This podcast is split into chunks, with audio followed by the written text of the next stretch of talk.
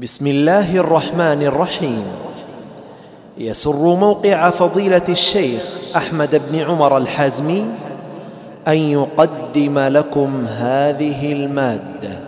بسم الله الرحمن الرحيم. الحمد لله رب العالمين والصلاة والسلام على نبينا محمد وعلى آله وصحبه أجمعين أما بعد.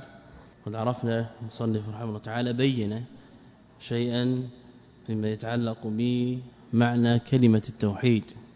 وذكر بعض الآي الدالة على على ذلك وبين أن هذه الكلمة متضمنة للنفي والإثبات وبين أن الكلمة قد تأتي بلفظها فتفسر بالمعنى المذكور وقد تأتي بالمعنى تأتي به بالمعنى. حينئذ نفسر المعنى بما جاء به اللفظ. إنني براء حين يقول هذا المراد به ماذا؟ لا إله إلا الذي فطرني مراد به إلا الله. اذا تارة يأتي باللفظ فنفسرها بالمعنى وتارة يأتي المعنى وتجعل مرادفة لللفظ وأعظم ما تأخذه من هذه الآيات التي ما ذكر المصنف رحمه الله تعالى أعظم ما تأخذه أن التوحيد جاء مفسرا فسره الله عز وجل أمر بالتوحيد أمر بلا إله إلا الله وفسر المراد به بلا إله إلا الله. اذا لا مجال للبحث في ماذا؟ في مسائل تتعلق بالاجتهاد. هذا رأيه هذا الذي تطمئن إليه النفس إلى آخره. كل هذا من الباطل مردود على صاحبه. لماذا؟ لأن هذه المسائل قطعية. معنى التوحيد هذا قطعي كما أنه من القطعيات أن العباد إنما خلقوا من أجل تحقيق التوحيد. هل يشك أحد في هذا؟ جواب لا. من قال العباد خلقوا هكذا سدى عبثا فهو كافر مرتد عن الإسلام. لأنه أنكر معلومة من الدين به بالضرورة. وإذا كان الأمر كذلك لزم أن يسلم بماذا؟ أن ما خلقوا من أجله قد بينه الله عز وجل. اذا هذه الآيات فيها فوائد عظيمة تتعلق ببيان معنى التوحيد. ثم بين أن هذه الكلمة وهي لا إله إلا الله بالمعنى المراد. ليس مجرد لفظ فقط يقال لا إله إلا الله وانما لفظ ومعنى. وهذه الكلمة هي التي دعا رسول الله صلى الله عليه وسلم قريشا والعرب أن يقولوها ويعملوا بها. اذا يجمع بين النوعين. لم يأمر النبي صلى الله عليه وسلم قريشا ولا العرب أن يقولوا فقط أو لا وإنما طلب منهم وأمرهم بماذا؟ أن يجمعوا بين الأمرين بين القول والعمل. وقال لهم قولوا لا إله إلا الله تفلحوا كلمة تملكون بها العرب وتدين لكم بها العجم وتكونون بها ملوكا في الجنة. فقالوا بعدما دعاهم النبي صلى الله عليه وسلم إلى ذلك أجعل الآلهة إلها واحدا. اذا فهموا أن هذه ليست مجرد كلمة تقال فقط فحسب لا. وإنما كلمة ذات مدلول تدل على إبطال جميع الآلهة التي تعبد من دون الله تعالى. ففهموا وعقلوا ذلك وعرفوا أن الدين إنما هو قول وعمل وليس التوحيد هو مجرد قول.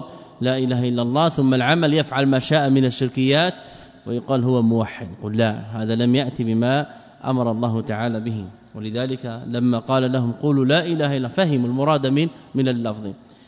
قالوا أجعل الآلهة إلها واحدا إن هذا لشيء عجاب. ما سمعنا بهذا في الملة الآخرة. يعني دين قريش أو النصرانية كما كما قيل. يعني الملة الآخرة يعني شيء دين يدان به غير الإسلام. طبعا الذي جاء به محمد صلى الله عليه وسلم. إذا ما سمعوا بهذا وكأنهم فهموا أن التوحيد ليس بدين للنصارى كأنه إذا قيل بأن المراد به الملة الآخرة النصرانية. على كل لما قال لهم قولوا لا إله إلا الله فهموا المراد وأنها كلمة ليس المراد منها مجرد الكلمة بل هي كلمة ذات دلالة وذات معنى تبطل جميع ما تعلق به من دون الله تعالى. ثم أراد المصنف رحمه تعالى أن يعرج على مسألة مهمة تعين على فهم الكلمة وعلى فهم الدعوة في زمن النبي صلى الله عليه وسلم. حال بيان حال المشركين هذا من أهم ما يعتني به الناظر لا سيما إذا وقعت عنده شبهة فيما يتعلق بماذا؟ مسألة عباد القبور نحو ذلك. فليرجع إلى أحوال المشركين. كيف كان حالهم؟ وماذا كانوا يعتقدون وبماذا أقروا وماذا صنع معهم النبي صلى الله عليه وسلم. فالرجوع إلى تلك الآية التي تحكي صنيع أولئك القوم وعقيدتهم حينئذ هذا مما يعين على فهم المسألة إن كان عند الإنسان شبهة فيما يتعلق به من تلبس به بالشرك الأكبر. لأن لا إله إلا الله تدل على ماذا؟ تدل على أنه يجب عليه ترك جميع المعبودات. إذا لا يعبد شجرا ولا حجرا ولا جنيا ولا ملكا ولا نبيا ولا وليا ولا غير ذلك. فإذا تعلق قلبه بقبر تعلق قلبه بحجر بشجر ونحو ذلك انتفت عنه لا إله إلا بطلت لأنها مركبة من نفي وإثبات لابد من أن ينفي هذا ما نفى. اذا هل يجتمع الإسلام مع مع هل يجتمع التوحيد مع الشرك؟ الجواب لا. لا يمكن أن يتصور العقل الصحيح السليم صاحب الفطرة السليمة. لا يمكن أن يتصور ماذا؟ اجتماع الشرك مع التوحيد. لا يمكن أن يتصور أنه يمكن أن يجتمع في عبد واحد أنه يكون موحدا وقد تلبس بالشرك. لماذا؟ لأنه إذا كان موحدا فقد أفرد وإذا كان مشركا فلم يفرد. فكيف يكون مفردا غير مفرد؟ ها؟ هل يجتمعان؟ ما يجتمع هذا كما كما يقال حج مفردا متمتعا قارنا. يتأتى هذا؟ لا يتأتى. اذا كذلك ما يتعلق به بالتوحيد. ففهم عقيدة المشركين وأحوال المشركين مما يعين على على ذلك. وتجد في كلام شيخ الإسلام محمد عبد الوهاب رحمه الله تعالى وكذلك أبناؤه وأحفاده حكاية لشيء مما يتعلق به بذلك. ولذلك اعتنى في ببيان عقيدة المشركين في كشف الشبهات. لأنه مما يعين على كشف الشبه كلها التي يتعلق بها لا سيما أصحاب الاستغاثات. هنا أراد أن يعرج على شيء مختصر من من ذلك. فقال وذلك أنه نشأوا في الفترة. من الذين نشأوا؟ يعني من كان في زمن النبي صلى الله عليه وسلم. يعني بعد النبي صلى الله عليه وسلم ليس عندنا فترة عامة وإنما قد توجد في بعض الأفراد أو بعض الجهات. لكن من كان قبل النبي صلى الله عليه وسلم فقد كانوا في فترة بنص القرآن. بنص القرآن ولذلك جاء قوله لتنذر قوما ما أتاهم من نذير. إذا ما جاءهم نذير ولا يلزم من عدم مجيء النذير ارتفاع الشرع. لا يلزم ليس ثم لازم. على فترة من الرسل أي على انقطاع. فنقول بما قال به الحق جل وعلا. فنسلم لا شك في ذلك. يقول الله عز وجل قال على فترة من الرسل. اذا على انقطاع. مدة طويلة. واختلف فيه في هذه المدة كما مر بين عيسى ومحمد صلى الله عليه وسلم. هذا الذي جاء فيه البحث. من قبل عيسى لم لم يأتي أن ثم فترة. ولذلك ينتبه طالب العلم إلى إلى البحث في مسألة الفترات وأهل الفترات. يظن أنه ماذا؟ ما من نبي إلا ويقع فترات طويلة جدا بينه وبين رسول آخر. فكأن جميع الرسل الذين بعثوا وأرسلوا ثم فترات بينهم. قطاع ليد الله وإنما البحث جاء خطابا لي لقريش وجاء خطابا لي لأهل الكتاب ومن عداهم حينئذ يحتاج إلى إلى نص وليس ثم ليس ثم نص. ولذلك لما ذكر أهل التفسير قوله تعالى يا أهل الكتاب فقال في مخاطبة أهل الكتاب على فترة من الرسل ما ذكروا إلا بين عيسى عليه السلام وبين نبينا محمد صلى الله عليه وسلم على اختلاف في في المدة. كذلك حينئذ من عدا أو ما عدا ما بين هذين الرسولين يحتاج إلى إلى نص وليس ثم نص. ثم كذلك لا يلزم من وقوع الفترة عدم وجود أصل الدين. بل لابد أن يكون ماذا؟ إما رسول وإما ورثه باعتبار ما جاء به من كتاب إن لم يحرف أو باعتبار من يدعو إلى إلى دينه. ولذلك قال شيخ الإسلام كما مر وزمان الفترة زمان درست فيه شريعة الرسول وأكثر الدعاة إليها إلا القليل. إلا إلا القليل. لابد من ماذا؟ لابد من قلة. ولم يدرس فيها علم أصول دين المرسلين. هكذا نفاه يعني أصل الدين الذي هو التوحيد بطرفيه الذي هو ما يتعلق بالأمر بعبادة الله تعالى وحده وبالتحذير من الشرك. هذا موجود. لا تخلو منه ماذا؟ أمة. فحينئذ ما من أمة إلا خلا فيها نذير. دل على ماذا؟ على أنه لا بد من البقاء. لا بد من بقاء ما جاء به الرسل. وأما ادعاء بأنه لم لم يبقى دعوة الرسل هذا يحتاج إلى إلى نص. والنصوص التي يستدل بها من يثبت الفترات مطلقا. نقول هذه النصوص تدل على وجود الفترة ولم يتعرض فيها الباري جل وعلا لوجود الشريعة وعدمها. في نفس النص. لكن النصوص الأخرى تدل على ماذا؟ على البقاء. ولقد بعثنا في كل أمة رسولا نص عام. وإن من أمة إلا خلا فيها نذير نص نص عام. اذا إيت بمخصص يدل على أن ثم زمن قد وقع ولم يكن ثم شرع. لا سيما ما يتعلق به بأصل بأصل الدين. هذا لا وجود له. حينئذ نجمع بين هذا النص ولقد بعثنا وإن من أمة نجمع بينه وبين قول على فترة من الرسل نقول هذا يدل على أن الرسول لم يكن لم يوجد. وعدم وجود الرسول لا يدل على عدم وجود دعاة يدعون إلى ما جاء به الرسول. اذا لا إشكال في اثباته يدل على ذلك واقع المشركين في زمن النبي صلى الله عليه وسلم. منهم من تجنب عبادة الأوثان منهم من كان يدعي أنه على ملة إبراهيم ويعلمون ذلك. ومنهم من يتمسك بما عليه عيسى أو موسى إلى آخره. اذا باقي ذكرهم. وباقي ماذا؟ ما جاءوا به. ولذلك بعث النبي صلى الله عليه وسلم وقريش تحج وتقف بعرفة إلى آخره. اذا ثم آثار. فإذا حفظت هذه الآثار فمن باب أولى حفظ ما يتعلق به بأصل الدين. اذا أصل الدين باق إلى أن بعث محمد صلى الله عليه وسلم. ولذلك جاءت آثار تدل على ماذا؟ على أن ثم فئة من أو أن افرادا من أهل الفترات قد عذبوا. كذلك؟ بالاتفاق أن أبوي النبي صلى الله عليه وسلم من أهل الفترة عمرو بن لحي من أهل الفترة ومع ذلك جاءت النصوص تدل على أنهم في النار. قال ابن تيمية رحمه الله تعالى وزمان الفترة زمان درست فيه شريعة الرسول وأكثر الدعاة إليها إلا القليل. ولم يدرس فيها علم أصول دين المرسلين بل يبقى في الفترة من الدعاة من تقوم به الحجة. هذا كلام ابن تيمية رحمه الله تعالى في جامع المسائل الجزء الخامس صفحة 52 صفحة 52 يدل على ماذا؟ على أنه لا بد من بقاء دعاة تقوم بهم الحجة. قال المصنف رحمه الله تعالى وذلك أنهم نشأوا في الفترة. إذا نشأوا في ماذا؟ في الفترة. هل يلزم من ذلك أنهم معذورون؟ ها يلزم أو لا يلزم؟ باعتبار أصل الدين لا لا يلزم. وما كنا معذبين حتى نبعث رسول قد بعث الرسول وبقيت آثاره وبلغهم ذلك. وبلغهم ذلك.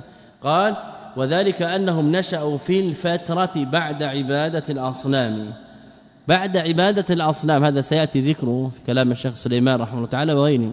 أنهم كانوا على ملة إبراهيم. حتى جاء هذا الضال المبتدع عمرو بن لحي فحرفهم بجلب الأصنام التي عبدت من دون الله تعالى. هو زمن قريب من بعثة النبي صلى الله عليه وسلم. حينئذ بعد عبادة الأصنام حصل ماذا؟ حصل انحراف. قبل ذلك كانوا على ملة إبراهيم. كانوا على ملة إبراهيم. هذا الذي عناه رحمه الله تعالى. بعد عبادة الأصنام حين استخرجها عمرو ابن لحي الخزاعي. قال ابن كثير رحمه الله تعالى في تفسيره في مواضع فعمر هذا هو ابن لحي ابن قمعة. قمعة؟ قمعة. أحد رؤساء خزاعة الذين ولوا البيت بعد جرهم. يعني اخذ كان واليا كان واليا البيت. وكان أول من غير دين إبراهيم الخليل. هكذا جاء في النصوص. أول من غير دين إبراهيم الخليل هو هذا الضال. حينئذ كانوا قبل ذلك ماذا؟ على ملة إبراهيم. ولذلك بقيت آثار إلى أن بعث النبي صلى الله عليه وسلم. فيدل ذلك على ماذا؟ على أن أصل الدين باق. فكيف يقال بأنهم يعذرون؟ قال فأدخل وكان أول من غير دين إبراهيم الخليل فأدخل الأصنام إلى الحجاز ودعا الرعاع من الناس إلى عبادتها والتقرب بها. وشرع لهم هذه الشرائع الجاهلية في الأنعام وغيرهم كما ذكره الله تعالى في سورة الأنعام عند قوله تعالى وجعلوا لله مما ذرأ من الحرث والأنعام نصيبا إلى آخر الآيات في في ذلك. هذا كلام كثير رحمه الله تعالى. فهذا أول من غير ملة إبراهيم عليه السلام وأول من سن سنة عبادة الأصنام. وقال كذلك وقد ثبت في الصحيح أن رسول الله صلى الله عليه وسلم قال رأيت عمرو ابن لحي ابن قمع يجر قصبه يعني أمعاءه في النار. ها. كان على ملة إبراهيم وأنشأ هذه العبادة يعني أنشأ الشرك بالله تعالى. ومع ذلك ماذا؟ رآه النبي صلى الله عليه وسلم في في النار. اذا ليس معذورا. ليس ليس معذورا لأنه ما عذب إلا مؤاخذة على فعله ودل ذلك على أنه لم يعذر. لأنه أول من سيب السوائم هكذا قال ابن كثير. وكان هذا الرجل أحد ملوك خزاعة وهو أول من فعل هذه الأشياء وهو الذي حمل قريشا على عبادة الأصنام لعنه الله وقبحه. هكذا قال ابن كثير لعنه الله وقبحه. وقد روى الفاكهي عن الكلب قال كان العمر ابن ربيعة رئي من الجن. رئي يعني معه جني فأتاه يعني الجن فقال أجب أباء ثمامة يعني علمه عن شيء لم يعلمه. طوفان لما كان من شأن قوم نوح دثر الأصنام التي كان يعبدها قوم نوح. وإذا صارت ماذا؟ صارت في عالم الغيب لكنه النسبي. صارت صار عليها الرمل. حينئذ قد يعلم بها ماذا؟ الشيطان ويعلم بها أولياء الشيطان. والناس لا يعلمون حينئذ أوحى الجن إلى عمرو بن لحي أن ثم أصناما مدفونة فذهب فاستخرجها.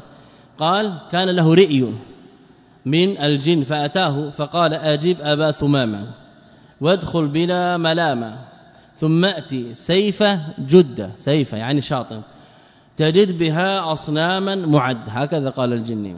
ثم أوردها تهاما ولا تهب لا تخف ثم ادعو العرب إلى عبادتها تجب. علم أن الناس ماذا فيهم؟ ها فيهم ما يحركهم. كانه قال ائتي بهذه الأصنام وإجابة الناس سيكفيك هو الشيطان سيحركهم. حينئذ لبس عليهم فعبدوا هذه الأصنام من من دون الله تعالى. قال فأتى عمرو ساحلة استجاب لي هذا الجن. قال فأتى عمرو ساحل جدة فوجد بها ودا وسواعا ويغوث ويعوق ونسرا. وهي الأصنام التي عبدت على عهد نوح عليه السلام. قال بعضهم إدريس ثم إن الطوفان طرحها هناك فسفى عليها الرمل. سفى بمعنى اذرى فاستثارها عمرو استثارها وخرج بها إلى تهامة وحضر الموسم ودعا إلى عبادتها فأجيب. حضر الموسم يقصدون به ماذا؟ حج. فدعا الناس فأجيب. استجابوا ما أسرع ما يستجيب الناس إلى إلى الباطل. ولذلك قد يكونون على خير عظيم. ومنذ أن ينشأ فيهم من؟ هو على بدعة وضلالة مباشرة ينحرفون معه هذا يدل على ماذا؟ على أن النفوس مستعده وأن النفوس جاهزة. ولذلك ابن تيمية رحمه الله تعالى يذكر في كتاب الإيمان الكبير أن عامة الناس من حيث الإيمان لم يبلغ اليقين. ولذلك قال لو لو شككوا في دينهم لشكوا أو في إيمانهم لشكوا مباشرة منذ أن يأتي بشبهة استجاب له. استجاب له كثير من من الناس. إلا أن يعصمهم الله عز وجل بماذا؟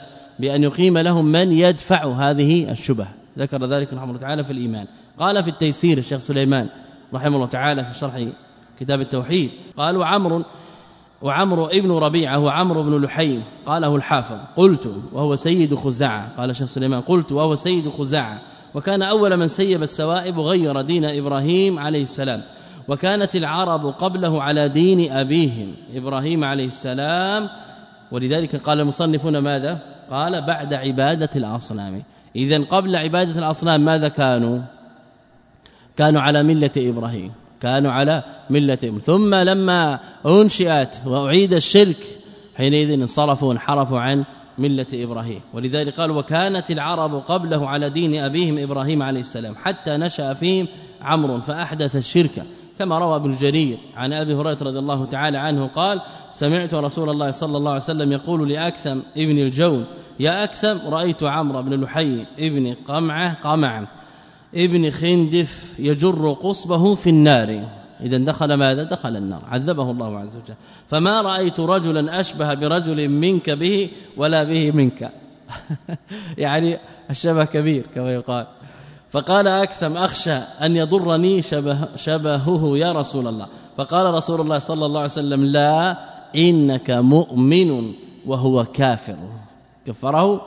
كفره. ها كان جاهلا أو لا؟ عنده شبهة أو لا. ما ما اغتفر له ذلك. هذه المسائل ليس فيها لأنه تلبس هو. تلبس بماذا؟ بالشرك. وليس فيه شبهة البتة. ليس فيه شبهة. وكل شبهة حينئذ تكون ماذا؟ تكون داحضه باطلة. لا اعتبار بها البتة. فقال رسول الله صلى الله عليه وسلم لا إنك مؤمن وهو كافر. إنه أول من غير دين إسماعيل وبحر بحر البحيرة وسيب السائب وحمى الحامي قال إسناده حسن. هكذا قال الشيخ سليمان رحمه الله تعالى. اذا حين استخرجها عمرو ابن عمرو ابن اللحي الخزاعي قال وفرقها في القبائل. كما سيأتي بقوله وعبدوا اللات والعزى ومنات وذا الخلص وهي الأصنام التي عبدها قوم نوح فعبدوها. ليست خاصة به بهذه المعبودات لذلك هي تزيد نزيد على على هذه الخمسة وإنما هذه أصول يعني باقية. حينئذ أحيا هذا التراث الشركي فعبد الناس ما يتعلق به هذه الاصنام وزادوا عليها زادوا عليها لأن الشرك ها يدعو بعضه بعضا. معصية تقول ماذا؟ أختي أختي كما أن الطاعة تقول أختي أختي. اذا الطاعة سنة سنة حسنة. حينئذ تأتي ماذا؟ تأتي الخيرات. وإذا سن سنة سيئة حينئذ تأتي ماذا؟ ما يتعلق به بالشر. قال وهي الأصنام التي عبدها قوم نوح فعبدوها وكثرت عبادة الأوثان والأصنام. قال الله تعالى إن أرسلنا نوحا إلى قومه أن أنذر قومك من قبل أن يأتيهم. عذاب أليم. قال يا قوم إني لكم نذير مبين أن اعبدوا الله واتقوه وأطيعون. فأجابوا ردا عليه فيما دعاهم إليه وقالوا لا تذرن ودا ولا سواعا ولا يغوث ويعوق ونسرا. قال الشيخ عبد الرحمن بن حسن رحمه الله تعالى ومعلوم عند العلماء قاطبة. هذا في رد على الكشميري سيأتي إن شاء الله تعالى في محله. ومعلوم عند العلماء قاطبة بل وعند العامة أنها أسماء رجال صالحين. صوروها صورها قومهم. أصناما على صورهم وسموها بأسمائهم فآل بهم الأمر إلى أن عبدوها. حينئذ لها أصل. لها ماذا؟ لها أصل. أصنام لم تكن ابتداء اصناما وإنما كانت ماذا؟ صور للصالحين. أرادوا أن يتذكروا أولئك الصالحين. فلما هلك من هلك؟ ونسي العلم. حينئذ ماذا؟ عبدت. ولذلك قال أهل العلم البدعة بريد الكفر والشرك مترادفان. البدعة بريد يعني وسيلة وطريق إلى ماذا؟ إلى الوقوع فيه في الشرك. لأن لأن تصوير الصور اولا بدعة تضع صورة عظيمة هذا من البدع. فإذا كان كذلك قد يوصل إلى عبادتها يفضي إلى إلى عبادتها. قال هنا الشيخ ومعلوم عند العلماء قاطبة بل وعند العامة أنها أسماء رجال صالحين صورها.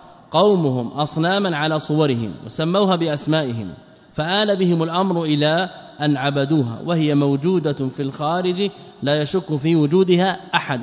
هذا في الرد على كشمير قال لا إله هذا النفي لشيء في الذهن لا لشيء في الخارج. قال لا هي موجودة. قال استخرجها قال وهي موجودة في الخارج لا يشك في وجودها أحد ولا ريب أنها منتفية بكلمة الإخلاص لا إله إلا الله. وهذه الأصنام استخرجها عمرو ابن لحي الخزاعي الكاهن.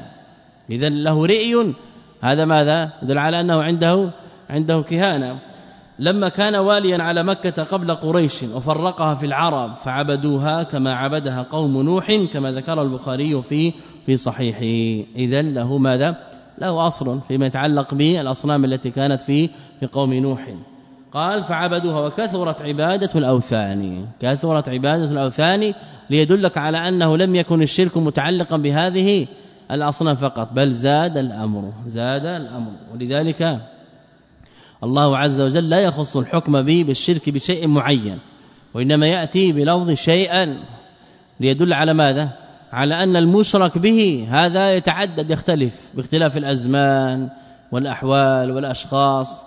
حينئذ إذا كان يختلف وتزداد يزداد بعضها والشرك يتوالد وحينئذ يقول هذه تختلف. إذا لابد من لفظ يدل على على العموم. وشيء هذه قيل هي أعم الألفاظ. قيل حينئذ تصدق على ماذا؟ ولا تشركوا بالله شيئا ايا كان ذلك الشيء سواء كان صنما محسوسا أو كان صنما معنويا. قال فعبدوها وكثرت عبادة الأوثان والأصنام. فصار عند الكعبة 360 صنما. خمسة كانت. فصارت إلى هذا العدد. اذا تزيد هي أكثر من ذلك. هذا الذي حول الكعبة فقط. حول الكعبة فقط. فما بالك بأماكن أخرى؟ وهذه التي كانت حول البيت هي التي جاء في فتح مكة. النبي صلى الله عليه وسلم كان يكسرها ويطعنها به بالقوس. ويقول جاء الحق وزهق الباطل إن الباطل كان زهوقا. كسرها النبي صلى الله عليه وسلم. وهي كانت موجودة كذلك. إذا نشأت في قوم نوح أول رسول والنبي صلى الله عليه وسلم كان يضربها وتسقط على على وجهها وهو خاتم رسول خاتم الأنبياء. على صورة من كانوا يعبدونها قالوا عبدوا اللات والعزى ومنات وذا الخلاصة وغيرها مما لا يحصى كثرة. اذا 300 هذه ليست من باب التحديد وإنما هو بيان لمكان معين وجد فيه هذا العدد وإلا هي ما لا ما لا تحصى. بل كل واحد يأخذ حجرا ويعبده من دون الله تعالى ثم قد يستغني عنه كما مر معنا فيما جاء في آثار عمر وغيره. قال تعالى أفرأيتم اللات والعزى ومناة الثالثة الأخرى؟ وكان لقريش وبني كنانه العزى بنخلة موضع. وكان سدنتها وحجابها بنو شيبان من سليم حلفاء أبي طالب. فبعث إليها رسول الله صلى الله عليه وسلم خالد بن الوليد فهدمها. وكانت اللات لثقيف بالطائف وكان سدنتها وحجابها بنو معتب من ثقيف. قال وكان منات للأوس والخزرج ومن دان بدينه من أهل يثرب على ساحل البحر من ناحية المشلل بقديد وقال ابن هشام فبعث رسول الله صلى الله عليه وسلم إليه أبا سفيان ابن حرب فهدمها. ويقال علي بن أبي طالب قال ابن إسحاق وكان ذو الخلصة لدوس وخثعم وبجيلة ومن كان ببلاده من العرب بتبالى. فبعث إليه رسول الله صلى الله عليه وسلم جرير ابن عبد الله البجلي فهدمها وكذلك سائر الأصنام. إذا لم يكن لها عدد معين. قال ولذلك لما بين لك أنهم أنهم كانوا في فترة. وبين لك السبب في انتقالهم من ملة إبراهيم إلى ها إلى الشرك الأكبر. انتقالهم بسبب ماذا؟ عمرو بن نحي والرئي الذي رآه. وبين لك أن هذه الأصنام قد ازدادت كثرة بعدد لا لا تحصى. اذا هذا واقعهم. ولذلك أنكروا معنى لا إله إلا الله. لأن هذا العدد وهذه العبادات قد بلغت الغاية في تعظيمها وتعلقت القلوب بها. فلما قال لهم النبي صلى الله عليه وسلم لا إله يعني هذه الآلهة باطلة كلها. حينئذ ماذا صنعوا؟ هل قبلوا ذلك أم ردوا؟ هنا يأتي ماذا؟ يأتي الجواب. قال ولذلك أنكروا معنى لا إله إلا لذلك عرفت المرض بلذلك اللام للتعليل المشار إليه تلك القصة التي حصلت في ماذا؟ في انتقالهم من ملة إبراهيم إلى الشرك الأكبر. وهذا يدل على ماذا؟ يدل على ما ذكرناه سابقا. الناس ما أسرع أن ينتقلوا من حق لا إلى الباطن. أنكروا معنى لا إله إلا الله لتعلقهم بهذه المعبودات. لما دعاهم النبي صلى الله عليه وسلم إلى ترك عبادة ما كانوا يعبدونه من دون الله. اذا ترك عبادة الأصنام والمعبودات والأولياء والقبور هذا داخل في دعوة لا إله إلا الله. فدعاهم النبي صلى الله عليه وسلم إلى أن يتركوا عبادة هذه الأصنام. هذا يدلك على السؤال الذي ذكرت لك قبل قليل هل يجتمع التوحيد والشرك؟ الجواب لا. لماذا؟ لأنك إذا قلت يجتمعان إذا ما الفرق قبل النبي صلى الله عليه وسلم وبعد النبي صلى الله عليه وسلم؟ كانوا على على شرك كانوا ملازمين لعبادة الأوثان والأصنام. وهؤلاء الذين يدعون لا إله إلا الله لا فرق بينه وبين أولئك. تركوا الشرك؟ ما تركوا الشرك. ما حقيقة الشرك؟ صرف العبادة لغير الله تعالى. ما فعله أولئك الأقوام. هو بعينه الذي يفعله ماذا؟ عباد القبور الآن. حينئذ ما الفرق بينهم؟ هؤلاء قالوا لا إله إلا الله. نقول ماذا؟ أولئك قيل لهم قولوا لا إله إلا الله ففهموا المعنى. فعلموا أن هذه الكلمة تبطل جميع المعبودات. فأبوا ونفروا فقالوا أجعل الآلهة إلها واحد. وهؤلاء لجهلهم وحماقتهم وسفه عقولهم ظنوا أنه يمكن أن يجمع بين ماذا؟ بين أن يقول لا إله إلا الله ويلازم القبر ولا ينصرف عنه البتة. هذا يدل على ماذا؟ على جهله بمعنى هذه الكلمة. قال لما دعاهم النبي صلى الله عليه وسلم إلى إلى ترك عبادة ما كانوا يعبدونه من دون الله فأبوا أن ينفوا ما نفته أن ينفوا ما نفته. ما نفته ما هو؟ ها أن ينفوا هم ما نفته يعني الكلمة وهي لا إله. تنفي ماذا؟ تنفي جميع المعبودات. يعني لا تستحق هذه المعبودات التي يعبدونها عبادة إلا الله عز وجل. ولذلك شيخ الإسلام رحمه الله تعالى يقرر أن الخلاف مع المشركين ليس في الإثبات وإنما هو في في النفي. هذا كذلك يبين لك المسألة ويكشف لك حقائق عظيمة. ليس الخلاف معهم في الإثبات لأنهم كانوا يعبدون الله تعالى كان لهم توجه يطوفون بالبيت. وكذلك ماذا يحجون؟ حين ويتصدقون. وورد كذلك آثار تدل على أنهم قد يغتسلون كذلك من الجنابة ويعرفون الوضوء والغسل. حينئذ عندهم أنواع من العبادات ويتعبدون الله تعالى ووسموا الله تعالى بكونه إلها. ولذلك قالوا ما جعل الآلهة إلها واحدة. اذا اقروا بكون الباري جل وعلا إلها. اذا الإثبات لم يحصل فيه نزاع. وإنما النزاع في ماذا؟ في النفي في إبطال. هذه الآلهة. باطلة لا تستحق أن تعبد من دون الله تعالى. حينئذ وقفوا. قالوا لا. اذا قال فأبوا أي امتنعوا أن ينفوا ما نفته من عبادة الأوثان والأصنام من ما نوعها.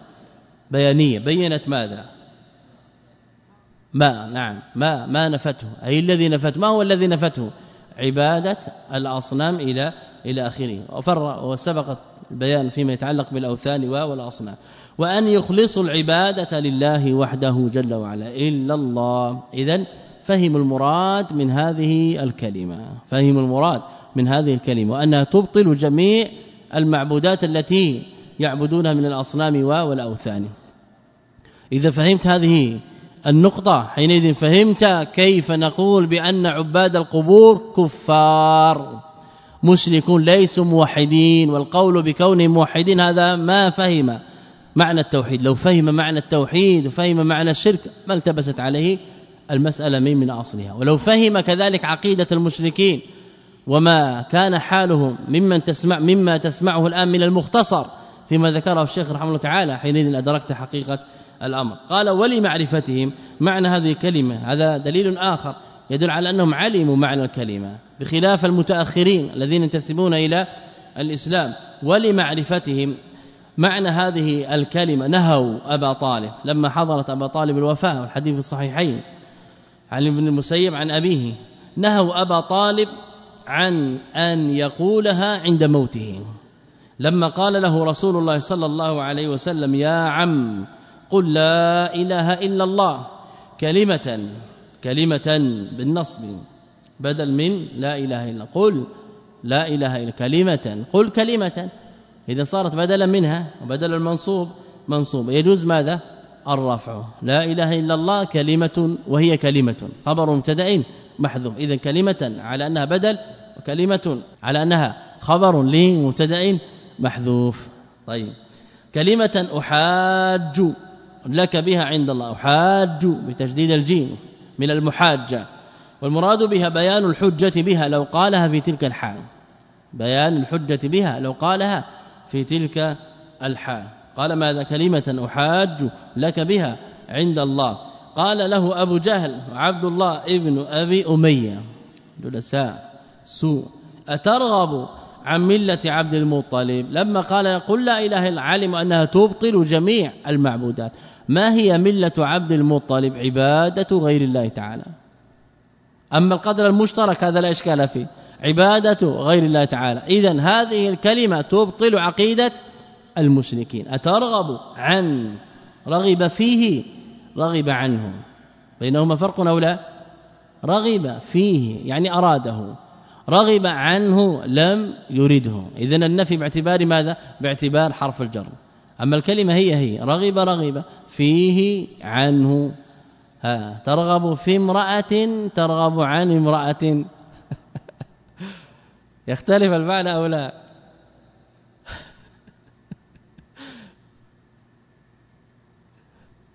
قال أترغب عن ملتي عبد المطلب يعني لا تريدها. علموا أنه لو قالها لترك عبادة غير الله. هكذا قال المصنف رحمه الله تعالى. وما أحسن تقريراته هنا.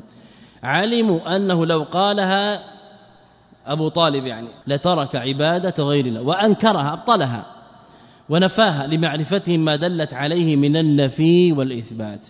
قال الله تعالى إنهم كانوا إذا قيل لهم لا إله إلا الله يستكبرون ويقولون أئن لتاركوا آلهتنا لشاعر مجنون بل جاء بالحق وصدق المرسلين.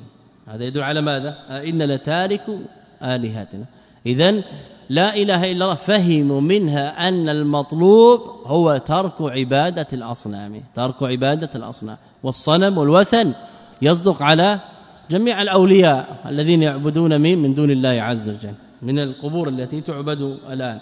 أي يستكبرون؟ قال ابن كثير.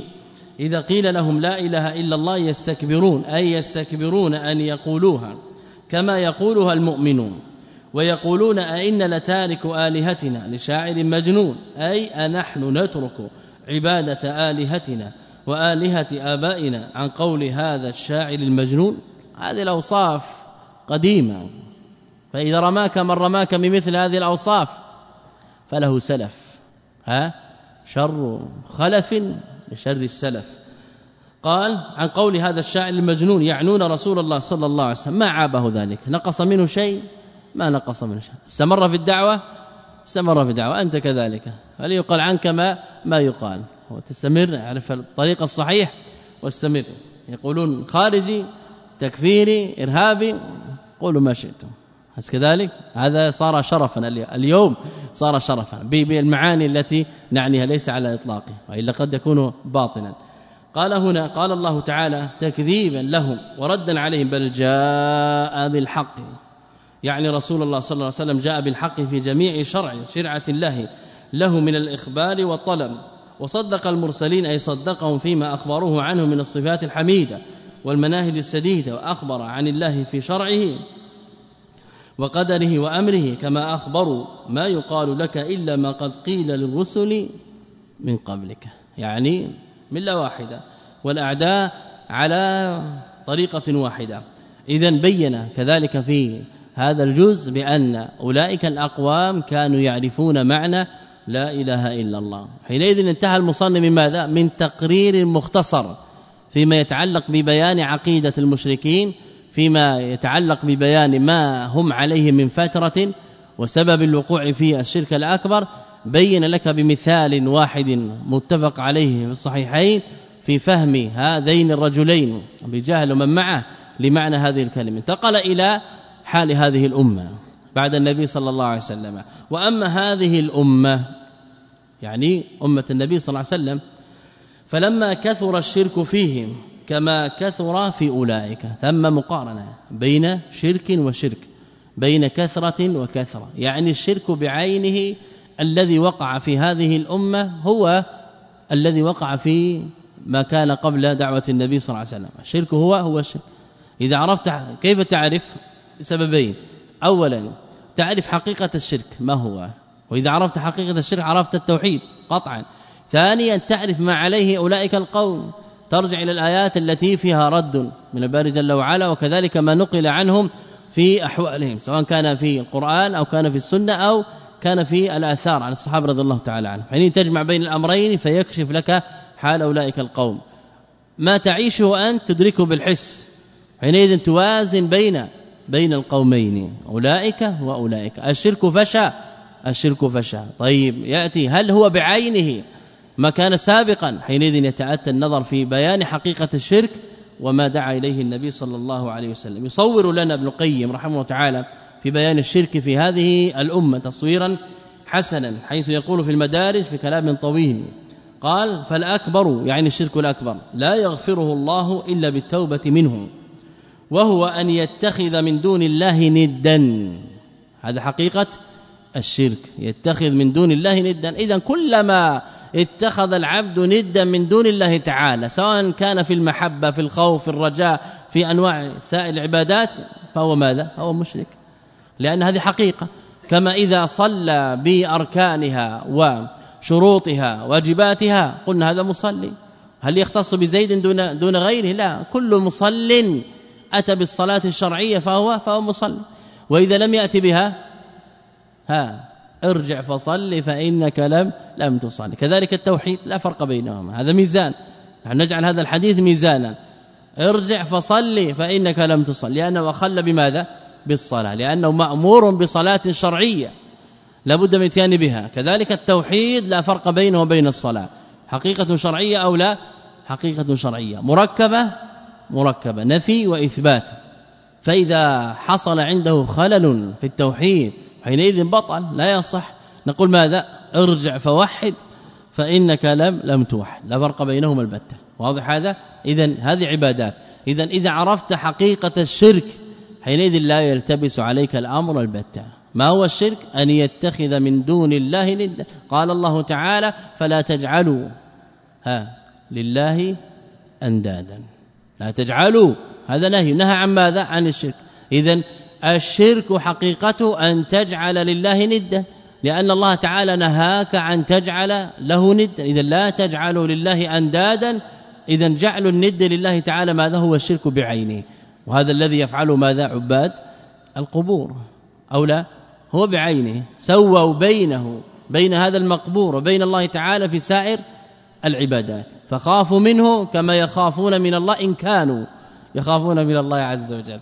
وأحب المقبور أعظم من محبة الله تعالى إن كانوا يحبون الله عز وجل. اذا صرفوا العبادات أو لا ويكفي عبادة واحدة تصرف لي لغير الله تعالى. فتعلقوا بهذه المعبودات أكثر من تعلقهم بالله تعالى. قال ابن القيم وهو أن يتخذ من دون الله ندا.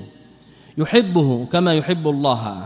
وهو الشرك الذي تضمن تسوية آلهة المشركين برب العالمين. شرك فيه ماذا؟ فيه معنى التسوية. وعرفنا في أول الرسالة المراد بالتسويه هنا. ماذا قلنا؟ سين.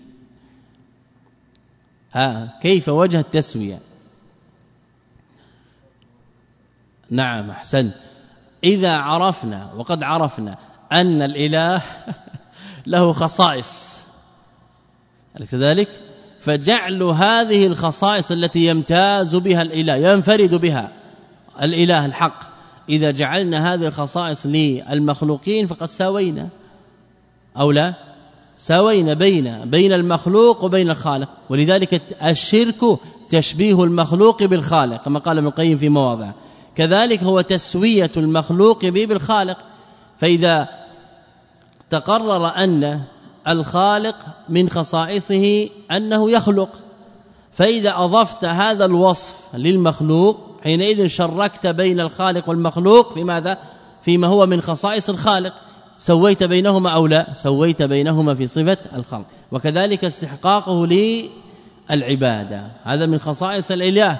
فإذا جعلته لمخلوق فقد سويت بينهما. هذا وجه التسوية بين هذا وذاك بين المخلوق والخالق. ولذلك قال ابن القيم وهو الشرك الذي تضمن تسوية. آلهة المشركين برب العالمين. جعلوا لهذه الآلهة خصائص هي من خصائص الباري جل وعلا فسووا بينهما. فهمتم؟ قال ولهذا قالوا لآلهتهم في النار تالله إن كنا لفي ضلال مبين إذ نسويكم برب العالمين. اعترفهم كذلك؟ إذ نسويكم برب العالمين. حصلت التسوية. مع إقرارهم بأن الله وحده خالق كل شيء وربه ومليكه. وأن آلهتهم لا تخلق ولا ترزق ولا تحيي ولا تميت وإنما كانت هذه التسوية في المحبة والتعظيم والعبادة وهذا يرد على بعض من يعذر هؤلاء المشركين بأنهم ماذا؟ قالوا لا إله إلا الله واعتقدوا ربوبية الباري جل وعلا وأتى ببعض الأوصاف التي لا تجعلهم ماذا؟ لا تجعلهم مسلمين بل هي أوصاف موجودة في أبي جهل وغيره. إذا هذه لا, لا تعد فارقة بين المسلم والكافر بين المسلم الموحد. وبين المشرك كل ما كان إثباته مما يرجع إلى توحيد الربوبية فهذا مما قر به ماذا؟ المشركون. إذ نسويكم برب العالمين وحصل لهم التعذيب الخلود في النار مع إقرارهم بأفراد عديدة مما يتعلق به توحيد الربوبية. قال مع إقرارهم بأن الله وحده خالق كل شيء وربه ومليكه وأن آلهتهم لا تخلق ولا ترزق. إذا أفردوا الله تعالى بماذا؟ بصفة الخلق. فاعتقدوا أن الخالق هو الله عز وجل فأثبتوها للخالق الباري ونفوها عن آلهتهم. ولذلك لا يزعم أولئك القوم بأن بأن الأصنام اللات والعزى ومنات أنها تخلق أو ترزق ينفون عنها عن هذا. ولا يعتقدون فيها. بخلاف المتأخرين من الصوفية ونحوهم يعتقدون أن أن الولي هذا قادر على أن يخلق وأنه يملك ما يملك من الكون وأنه يتصرف في الخلق والرزق ونحو ذلك. اذا فاقوا. أولئك المشركين. قال ابن القيم رحمه الله تعالى وإنما كانت هذه التسوية في المحبة والتعظيم والعبادة كما هو حال أكثر مشركي العالم. بل كلهم يحبون معبوداتهم ويعظمونها ويوالونها من دون الله وكثير منهم بل أكثرهم يحبون آلهتهم أعظم من محبة الله. هذا من شأن ماذا؟ بيان أحوال المشركين سواء كانوا قبل البعثة أو, أو بعد البعثة. يحبون آلهتهم أعظم من محبة الله ويستبشرون بذكرهم أعظم من استبشارهم إذا ذكر الله وحده ويغضبون لمنتقص معبوديهم وآلهتهم من المشايخ أعظم مما يغضبون إذا انتقص أحد رب العالمين. هذا موجود إلى زماننا هذا. وإذا انتهكت حرمة من حرمات آلهتهم ومعبوداتهم غضبوا غضب الليث إذا حرد غضب.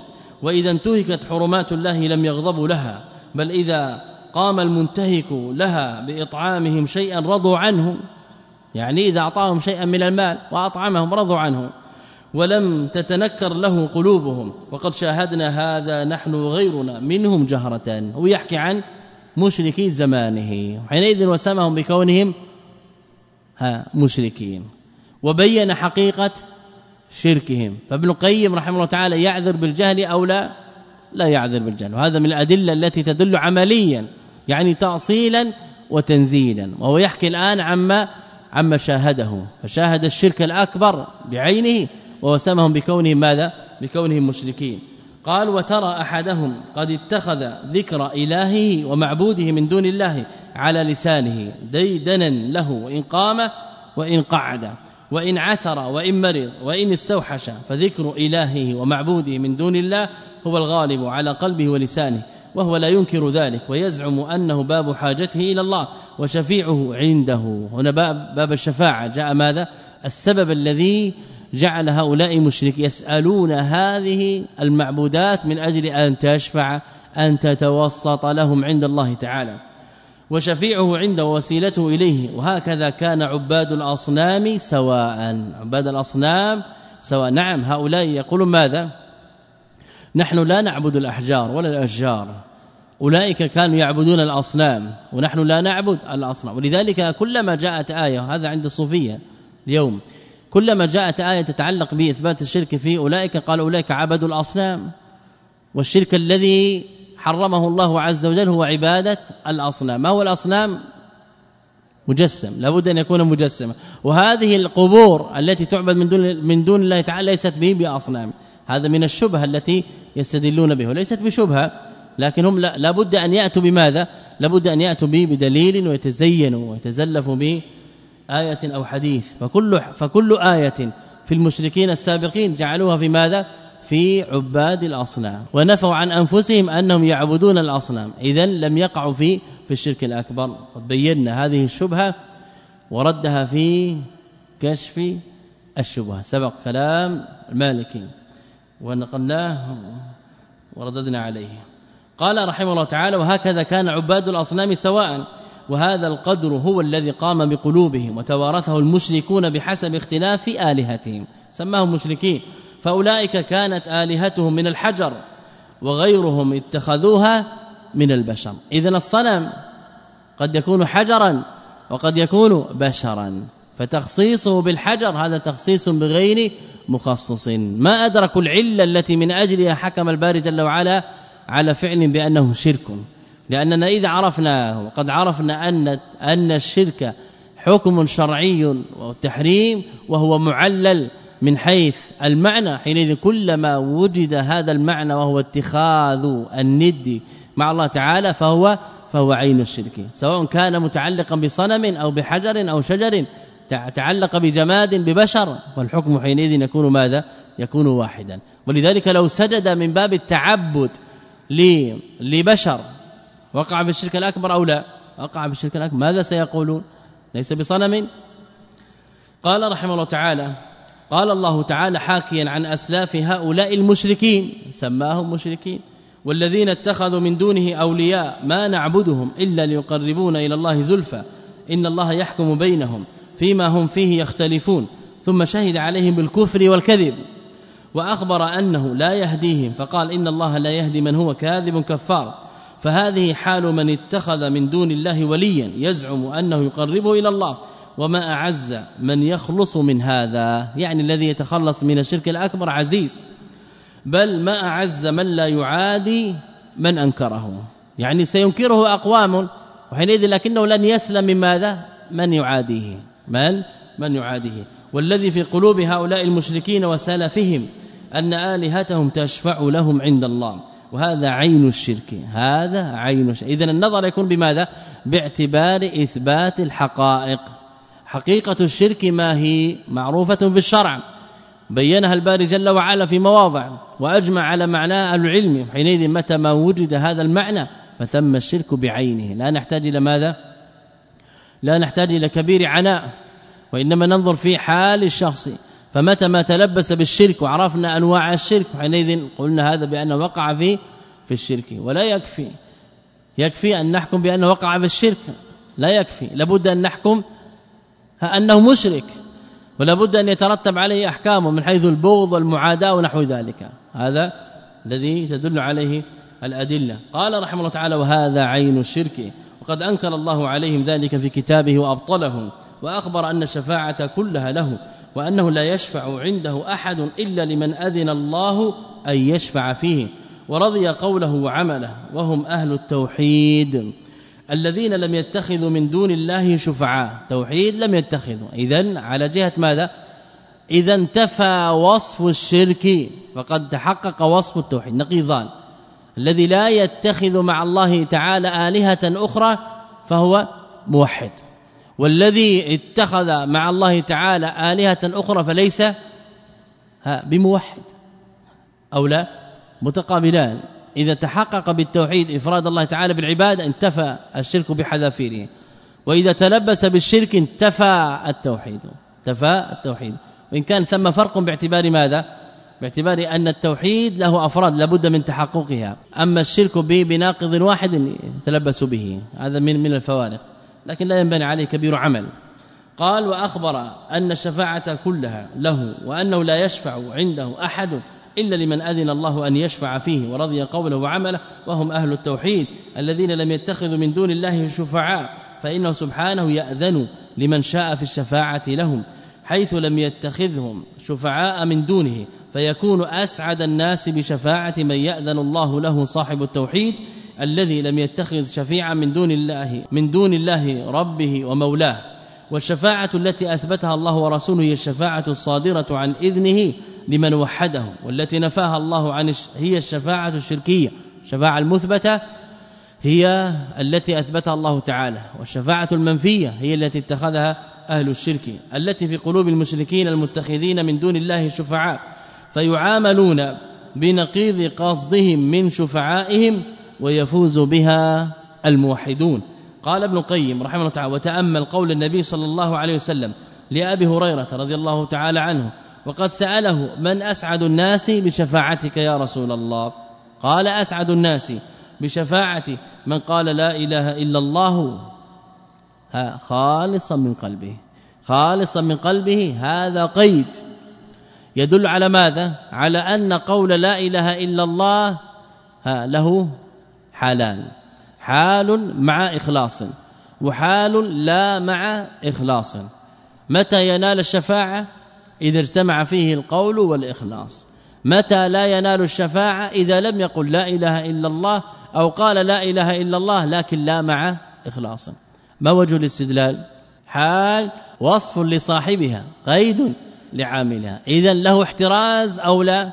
له احتراز. إذا لو طبقت القواعد وطبقهم القواعد الأصولية هنا كما يطبقونها في الفروع لسلموا من كثير من الأخطاء التي وقعوا فيها. والشركيات حينئذ خالصا من قلبه. نقول هذا هذا وصف للقائل وهو قيد للقول. من قال اذا ليس كل قول يعتبر ماذا؟ قد نجا به صاحبه. لأنه قد يقع مع الإخلاص وقد لا يقع لا مع الإخلاص. والذي جاء مقيدا هنا أن يكون مع مع الإخلاص. اذا له مفهوم باعتبار مفهوم المخالفة. قال هنا كيف جعل؟ أعظم الأسباب التي تنال بها شفاعته تجريد التوحيد. عكس ما عند المشركين أن الشفاعة تنال باتخاذهم أولياءهم شفعاء وعبادتهم وموالاتهم من دون الله. فقلب النبي صلى الله عليه وسلم ما في زعمهم الكاذب وأخبر أن سبب الشفاعة هو تجريد التوحيد. فحينئذ يأذن الله للشافع أن أن يشفع أو أن يشفع ومن جهل المشرك اعتقاده أن من اتخذه وليا أو شفيعا أنه يشفع له. هذا من جهلهم. وينفعه عند الله كما يكون خواص الملوك والولاة تنفع شفاعتهم من والاهم. ولم يعلموا أن الله لا يشفع عنده أحد إلا بإذنه ولا يأذن في الشفاعة إلا لمن رضي قوله وعمله كما قال تعالى في الفصل الأول من ذا الذي يشفع عنده إلا بإذنه وفي الفصل الثاني ولا يشفعون إلا لمن ارتضى وبقي فصل ثالث وهو أنه لا يرضى من القول والعمل إلا إلا التوحيد واتباع الرسول. وعن هاتين الكلمتين يسأل الأولين والآخرين كما قال أبو العالية كلمتان يسأل عنهما الأولون والآخرون ماذا كنتم تعبدون؟ وماذا أجبتم المرسلين؟ فهذه ثلاثة أصول تقطع شجرة الشرك من قلب من وعاها. وعقلها لا شفاعة إلا بإذنه ولا يأذن إلا لمن رضي قوله وعمله ولا يرضى من القول والعمل إلا توحيده واتباع رسوله. وجعل اتباع الرسول داخلا في مفهوم التوحيد. فالله تعالى لا يغفر شرك العادلين به غيره كما قال تعالى ثم الذين كفروا بربهم يعدلون وأصح القولين أنهم يعدلون به غيره في العبادة والموالاة والمحبة كما في الآية الأخرى تالله إن كنا لفي ضلال مبين إذ نسويكم برب العالمين. وكما في آية البقرة ومن الناس من يتخذ من دون الله أندادا يحبونهم. كحب الله هذا شرك فيه في المحبة وهو شرك أكبر. قال وترى المشرك يكذب حاله وعمله قوله فإنه يقول لا نحبهم كحب الله ولا نسويهم بال يعني إذا أورد عليه حقيقة الشرك نفى ذلك. لكن لا عبرة به بقوله. إنما العبرة بماذا؟ بحاله. إذا رأينا لأن الإنسان إذا كان متعلقا بالقبر صباح مساء ويعكف عليه هذا يدل على ماذا؟ يدل على محبته له. وإذا كان هاجرا للمسجد ولا يصلي وتارك الصلاة لا يكفر حينئذ يدل على ماذا؟ على أنه لا يحب الله تعالى. اذا الظاهر يدل على على الباطن. أو لا؟ قل إن كنتم تحبون الله فاتبعوني. حينئذ إذا ألزم بحقيقة الشرك بانه تسوية المحبة قال لا لا نحب قلنا فعلك يدل على ماذا؟ على أنك تحب هذه الآلهة أكثر من محبتك لله تعالى. قال وترى المشرك يكذب حاله وعمله قوله فإنه يقول وإن شئت تجعله العكس يكذب حاله وعمله قوله. كذلك الحال والعمل هو الذي يكذب القول لأنه بالقول لا يستطيع أن يقر.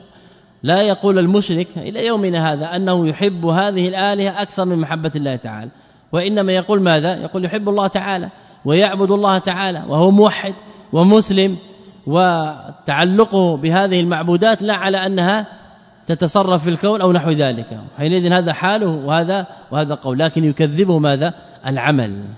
بمعنى ملازمة هذه المعبودات يدل على أنه يحب هذه المعبودات أكثر من محبته لله تعالى. قال فإنه يقول لا نحبهم كحب الله ولا نسويهم بالله ثم يغضب لهم ولحرماتهم إذا انتهكت أعظم مما يغضب لله. هذا يدل على ماذا؟ على أنه يعظمه أكثر من تعظيم الله تعالى. ولذلك قد يدخل المسجد بنعله ولا يدخل ساحة الولي بنعل تعظيما له. هذا يدل على ماذا؟ على أنه يعظمه أكثر من تعظيمه لله تعالى. بل قد يذهب يحبو حبوا إلى إلى الولي ويدخل ويمشي برجليه إلى مساجد. اذا يدل على ماذا؟ على أنه يعظم هذا الولي أكثر من تعظيمه. لو نفى ها قلنا هذا كلام هراء. لا يقبل. لماذا؟ لأن الفعل هنا أدل على المقصود من من القول. الفعل في بعض المواضع لا يحتمل الكناية بخلاف القول. القول قد يختلف ماذا؟ باختلاف المقاصد. يحتمل كناية يحتمل استعارة يحتمل مجاز يحتمل التورية إلى آخره. لكن الفعل في بعض المواضع لا يحتمل.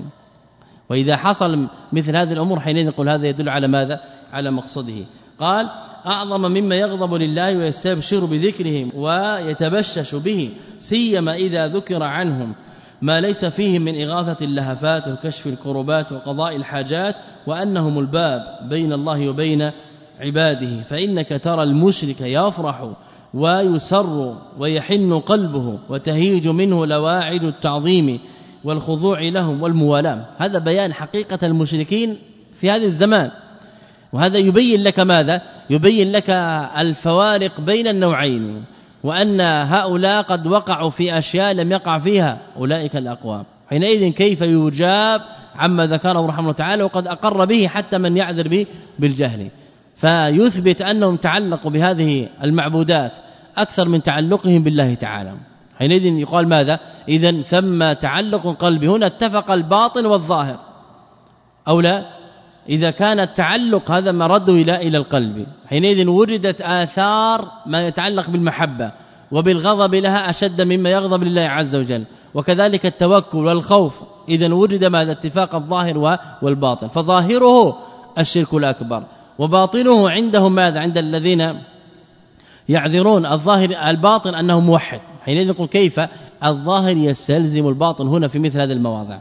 وهو أدل على مقصده. حينئذ حصل تعلق بالباطن بغير الله تعالى. فوقع الشرك باطنا وظاهرا. لا يتصور هنا أن ينفك الباطن عن عن الظاهر. هذا تعرفه من أين؟ بمعرفتك لأحوال هؤلاء المشركين. وما ذكره ابن القيم رحمه الله تعالى هنا نفيس وذكره كذلك في إغاثة اللافان. بيان حال المشركين في الزمن الأول قبل البعثة وفي زمن النبي صلى الله عليه وسلم وكيف كانت دعوتهم وكذلك حال المشركين بعد ذلك لا سيما الصوفية وغلاة الصوفية. قال وتهيج منه لواعد التعظيم والخضوع لهم والموالاة. وإذا ذكرت له الله وحده وجردت توحيده لحقته وحشة وضيق وحرج ورماك بنقص الإلهية التي له وربما عاداك. رأينا والله منهم هذا عيانا. هذا من المشركين وهذا فيه في عهده رحمه الله تعالى. فدل ذلك على أنه اولا حكم بكونهم مشركين وثانيا عاداهم وثالثا بين ثم مقارنة بينهم وبين أولئك الأقوام. فعليك بهذا الكلام. قال ورمونا بعداوتهم وبغوا لنا الغوائل. والله مخزيهم في الدنيا والآخرة. دنيا والآخرة. اذا جمع بين كذلك الحكم الأخروي. ولم تكن حجتهم إلا أن قالوا كما قال إخوانهم عاب آلهتنا. فقال هؤلاء تنقصتم مشايخنا وأبواب حوائجنا إلى الله. وهكذا قال النصارى للنبي صلى الله عليه وسلم لما قال لهم إن المسيح عبد الله. قالوا تنقصت المسيح وعبته. وهكذا قال أشباه المشركين. لمن منع اتخاذ القبور أوثانا تعبد ومساجد تقصد وأمر بزيارته على الوجه الذي أذن الله فيه ورسوله. قالوا تنقصت أصحابها. ثم قال رحمه الله تعالى خاتما كلامهم وما نجا من شرك هذا الشرك الأكبر إلا من جرد توحيده لله. جرد توحيده لله يعني عرف حقيقة التوحيد وعمل به. قال وعاد المشركين في الله. لابد من المعاداة. وتقرب بمقتهم إلى الله واتخذ الله وحده وليه وإلهه ومعبوده. إذا تجريد التوحيد لن يتم إلا بمعاداة المشركين. وإذا لم يكن هؤلاء مشركون إذا لم يكن هؤلاء مشركين أين المشركون؟ ليس اليهود والنصارى فقط بل لابد من يهود ونصارى ولابد ممن يعبد غير الله من ها. من المشركين. اذا هؤلاء مشركون لابد من من معاداته وقد أخبر النبي صلى الله عليه وسلم أن الشرك سيقع في آخر الزمن وهؤلاء الذين أخبر عنهم النبي صلى الله عليه وسلم. فلو لم يكونوا مشركين إذا متى سيقع؟ لأن هذه سلسلة ها قادمة. بمعنى ماذا؟ بمعنى أن كل من وقع ممن يوحد الله تعالى في زعمه وقع في الشرك الأكبر هو مسلم. إذا متى نقول هو مشرك؟ ارتفع أو لا؟ ارتفع الخبر. قال رحمه الله تعالى فجرد حبه واتخذ الله وحده وليه وإلهه ومعبوده فجرد حبه لله وخوفه لله ورجاءه لله وذله لله وتوكله على الله واستعانته بالله والتجاءه إلى الله واستغاثته بالله وأخلص قصده لله متبعا لأمره متطلبا لمرضاته. إذا سأل سأل الله وإذا استعان استعان بالله وإذا عمل عمل لله فهو لله وبالله ومع الله. والشرك أنواع كثيرة لا يحصيها إلا الله. لا يحصيها إلا الله. لماذا؟ قلنا مرارا تختلف باختلاف الأعصار والأزمان والأحوال. الشرك حقيقة. لو كان محصورا لبينه رحمه الله تعالى لكن له أصول فيما يتعلق بالعبادات المتمحضة. ثم أمور أخرى هذه تختلف باختلاف الشخص الذي يشرك به من دون الله تعالى. اذا وأما هذه الأمة فلما كثر الشرك فيهم كما كثر في أولئك.